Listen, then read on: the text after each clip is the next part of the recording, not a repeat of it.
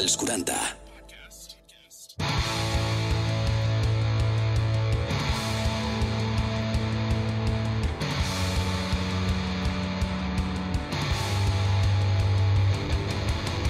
Molt bones, benvinguts, benvingudes. Això és Energia Sexual. I quan dic benvinguts i benvingudes, em refereixo a qualsevol persona, perquè en aquest podcast acceptem totes les formes d'amor entre dues o més persones que creen un vincle afectiu. I és que sembla bastant estrany començar d'una forma tan òbvia, però malauradament encara hi ha persones, per dir-los d'alguna forma, que no respecten els altres i que, a més a més, fomenten l'odi. Avui us portem un programa que creiem que tant de bo no fes falta fer mai, que la temàtica que tractem avui no necessités un programa, ja que hauria de ser tan natural com beure aigua quan tenim set.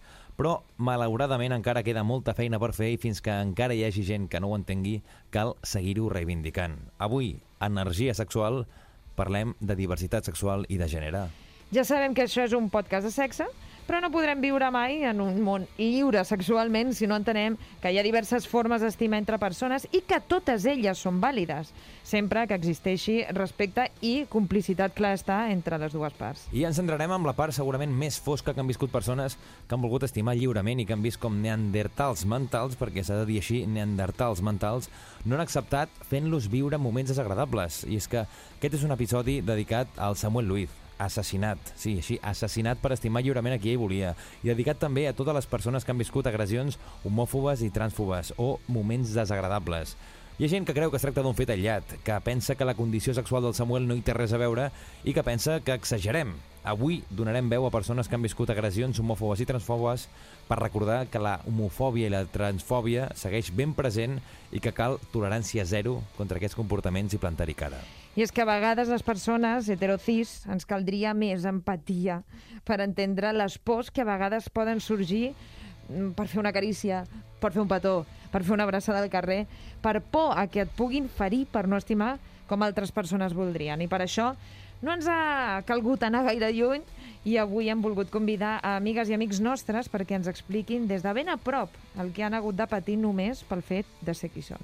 Avui ens fiquem seriosos i serioses per Doncs sí. parlar d'aquest tema. Avui Energia Sexual, un programa malauradament Mhm. necessari. Energia sexual, un podcast dels 40. Jo sóc la Vanina Bruc, sóc escriptora, il·lustradora, model, mocatriz, polifacètica, diríem. Els pronoms és, són ella, el pronom femení. Marina, jo volia preguntar també una mica quin és potser el primer record que tens de dir, escolta'm, per què hi ha gent que em fa això o per què la gent em tracta així per ser directament com sóc. No sé si recordes una miqueta quan va ser i si estem parlant de molts anys enrere. Sí, eh, bueno, evidentment, um, totes les persones eh, que som diverses, no?, que no encaixem en l'estereotip patriarcal, jo crec que des de, des de molt petites se'ns fa saber que no encaixem.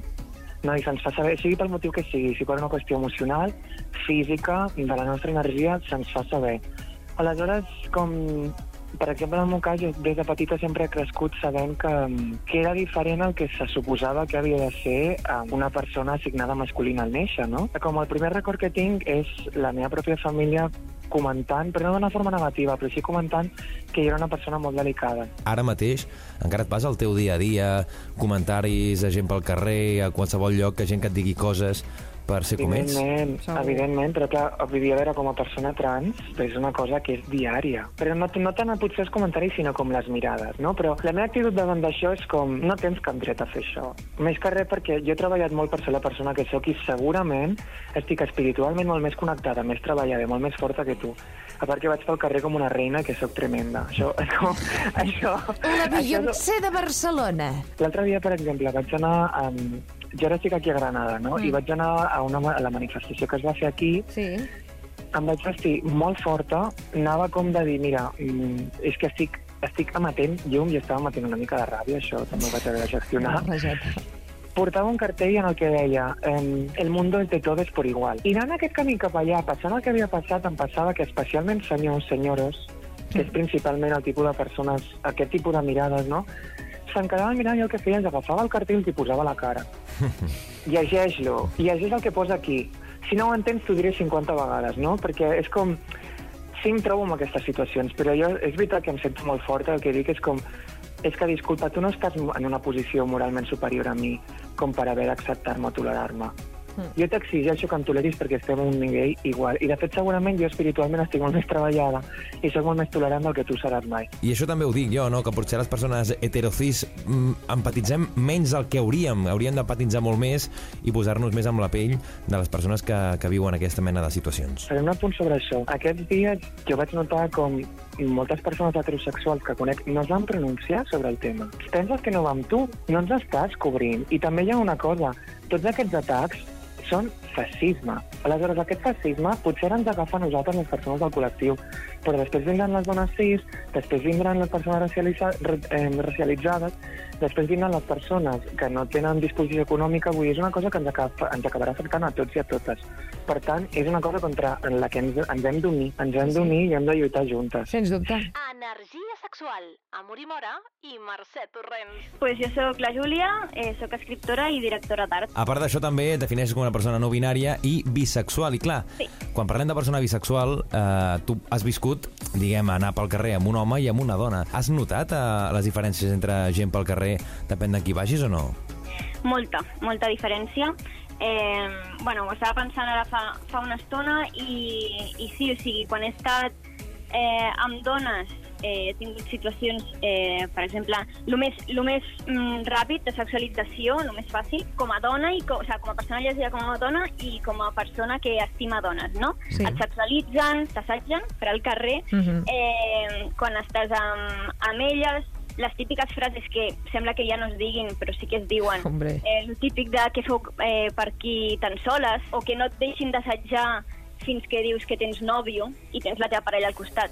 Saps? Ja, Vull dir, és ja, una ja. cosa molt forta. Sí. I després, eh, sí que és veritat que com a, com a bisexual m'he donat compte de que amb homes això no m'ha passat mai, ni això ni, ni res. O sigui, mai m'he sentit Ni violentada ni de res. ninguna forma. Mm. No, no, no, no, amb homes.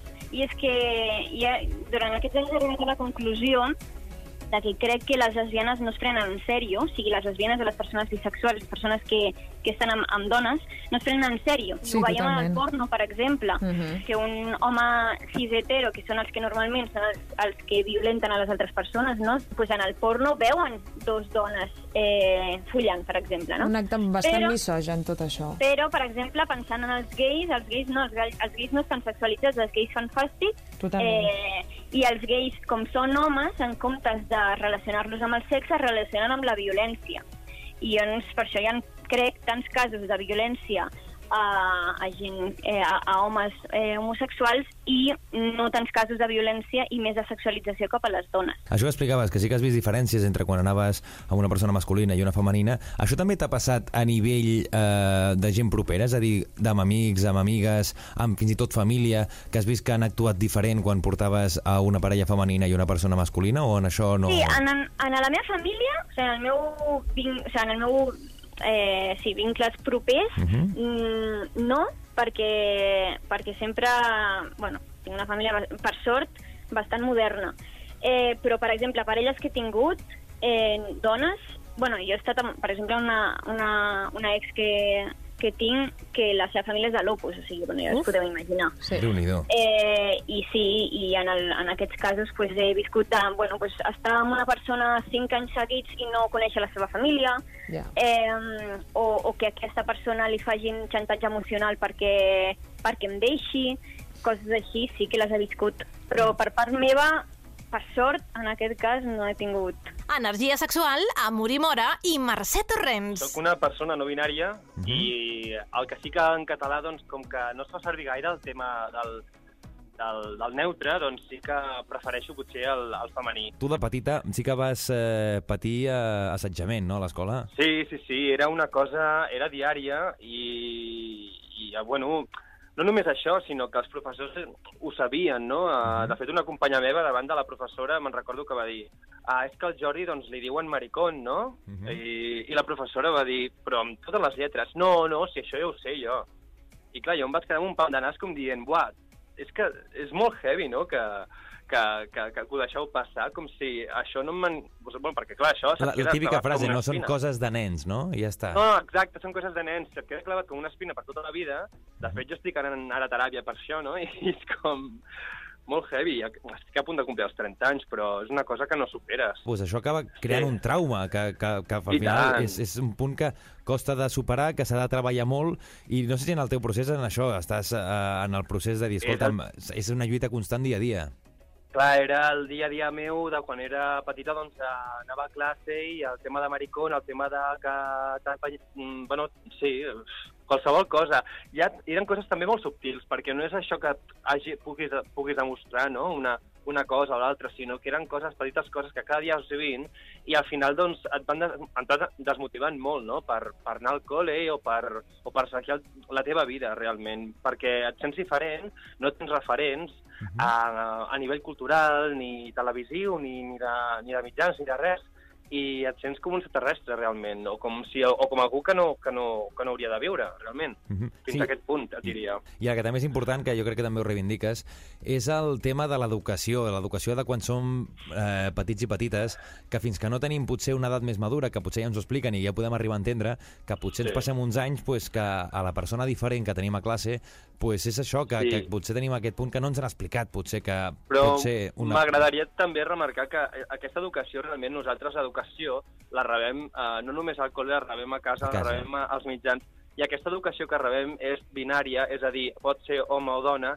i, pot, i has de ser heterosexual per, per força i per defecte. Mhm. Llavors, eh, nosaltres el que diem eh, al col·lectiu queer és que hem de desaprendre per aprendre o per reaprendre. Estem molt lluny de, de, que, de que la cosa canvi, no? però sí que almenys començar eh, una educació eh, doncs, de diversitat de gènere doncs, crec que és clau per, perquè tot això que està passant ara, que estem veient amb el tema del Samuel i de totes aquestes persones que estem uh, patint actes violents al carrer, doncs uh, doncs s'aturi, no? I Jordi, tu eh, avui dia encara segueixes patint aquest mena d'assetjament o no, pel carrer o pel, pel teu dia a dia? Jo, de fet, et volia comentar que estic cada cop explorant més el meu gènere i amb això també et dic que estic explorant la meva identitat i la meva expressió del gènere, que són coses diferents, no? um, com que estic canviant molt la meva manera, manera d'expressar-me a nivell de carrer i de, i de relacionar amb la gent i d'ocupar l'espai públic, um, en el meu cas, doncs sí que noto que moltes vegades uh, bueno, comentaris, mirades, xiuxiuejos, al meu pas no, per, pel, per, per, pel carrer i que moltes vegades doncs, aquesta por s'agreuja molt quan, quan vas eh, tota sola pel carrer i, i no ets, una, no ets un home hetero blanc normatiu. que hi ha gent que a dia d'avui, a juliol del 2021, a Barcelona, Sí. encara té por quan, quan va pel carrer, per la seva identitat o per la seva manera d'estimar o per qualsevol cosa que tingui a veure amb el sexe, diversitat sexual i diversitat de gènere. Clar, exacte, independentment de vegades si tu t'identifiques eh, així o així, sinó mm, si algú detecta que la teva expressió de gènere no és suficientment eh, adient al que aquesta persona hauria d'esperar de tu, igualment serà el mòbil d'aquesta de la, d'aquesta agressió, no? Energia sexual, un podcast dels 40. Michelle Divine, artista barcelonesa donde la Saya se dedica a hacer el espectáculo y la mamarracha. Michelle, avui estem parlant de, de, de persones que potser heu viscut moments desagradables i com els perceps ara mateix quan et passen aquestes coses. Si potser ja és un punt de dir, escolta'm, que la gent que, que fa aquests comentaris o em fa aquestes coses són gent que no es mereixen ni, ni que em ratllen un moment o encara costa de, de, de patir tots aquests moments que, que, que, que has viscut? A veure, costa una mica. Realment jo tinc la, la gran sort de no haver patit 100% cap mm, agressió, Mm. per dir-ho de- d'alguna manera.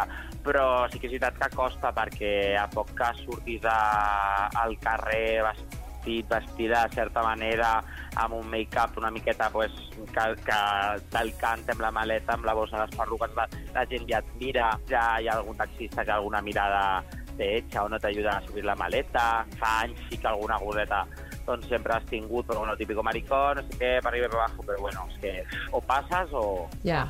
o te passen. En aquest sentit, no sé si quan passen potser aquests moments si, si costa el, el dir el, el cop sobre la taula i dir eh, tiro endavant i el que opini la gent que em dona igual i, i, i això no em farà canviar ni una pisca del que jo vull ser. A veure, costa realment perquè és anar una miqueta contra la societat, no? Aquesta el heterocis patriarcado que tenim muntat sin quererlo en una societat superbinària i super heteronormativa en la que vols encaixar, en la que tothom vol, vol encaixar fins que arriba un punt que dices, porque tengo que encajar, voy a ser lo mismo. Entonces, claro, todo el mundo que sale de eso es el raro i cada vegada hi ha més raros, però encara costa. Que la raresa és meravellosa, mm, ¿dónde va a parar? Vull dir que no, no és en cap moment un aspecte eh, negatiu ni, ni dic de manera negativa, sinó tot el contrari. Potser la paraula normal no s'utilitza com és degut i per això hem d'utilitzar la paraula exacte. rara. Ah, clar. Sí, sí, sí.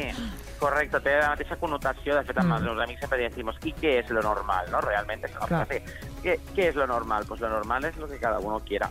Claro. Però, clar, costa una mica costa una mica dir hasta aquí, però... I a vegades inclús hi trobes que, que no tens potser el valor 100%, eh? Potser dius, mira, paso, porque, pa- porque la liaria, dius, pas, que no debería ser así, però a vegades és com, mira, Anant perquè una mica també vas fer una, una cançó, crec que va ser l'any passat sí, o així, sí, sí. que es diu Mírame, una mica de dir, escolta'm, eh, mira'm, perquè jo brillo així i, i gaudeix del que jo t'ofereixo, el que jo sóc. Correctíssimo, correcte. Eh, el, el títol és Mírame, es va, es va estrenar el juny de l'any passat, vull dir, fa, fa un anyet, Uh -huh. i és, és una part molt reivindicativa de dins i de fora del col·lectiu LGTBI, Q+, JK.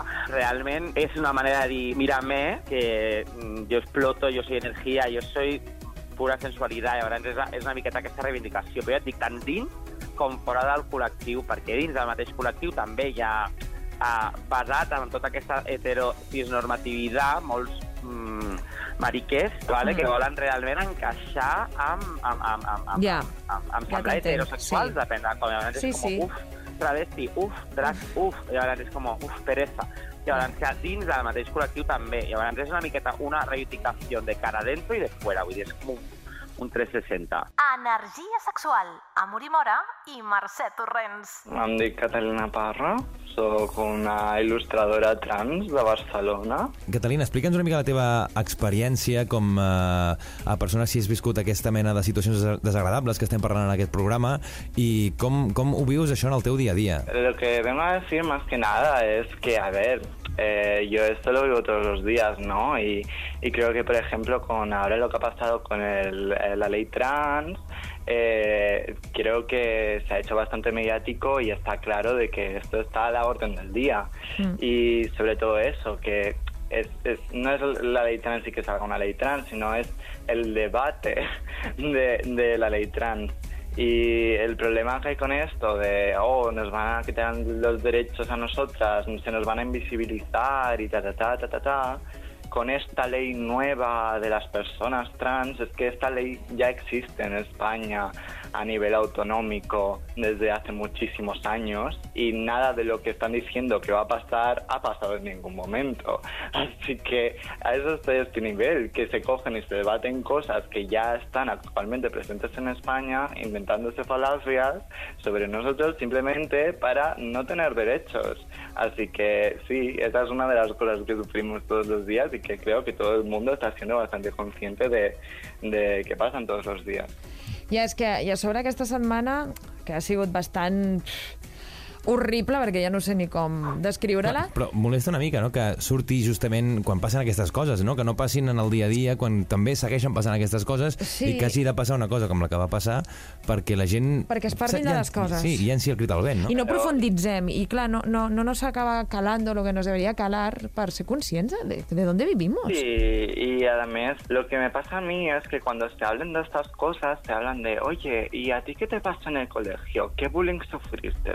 ¿Qué Mm. Pasó? ¿Qué no sé cuántos? Y es como, a ver, si me estás preguntando sobre todo esto es porque ya sabes que me ocurre. Entonces, meter de nuevo el dedo en la llaga realmente es solo para sacar el morbo. Y no únicamente para sacar el morbo, sino para reforzar la idea de que yo soy una víctima y te quedas ahí. Sí. Cuando a lo mejor lo que sería interesante sería girar el foco y en vez de preguntarme de nuevo que qué me ha pasado en mi vida, girar y mirarte a tú y di, También. vale, pues qué hago yo Mm. para cambiar esta situación que sé que está pasando, porque cuando a nosotros nos dicen siempre, oye, sois unos valientes, que no sé qué, que no sé cuántos, es porque sabes que sufrimos, pero sabes que sufrimos porque tú haces que sufrimos. Claro. Quiero decir, nosotros no nacemos heteros y de repente a lo mejor escogemos ser maricones. Nosotros nacemos y somos nosotros. Quiero decir, Sin yo duda. siendo pequeña eh, he vivido LGTB-fobia antes de, lo que sabi- de saber lo que significaba ser LGTB. La persona que la primera vez en su vida la llaman maricón no sabe qué significa ser maricón, pero sabe que es malo por cómo la tratan. Entonces, nosotros somos quienes somos y vosotros nos matáis.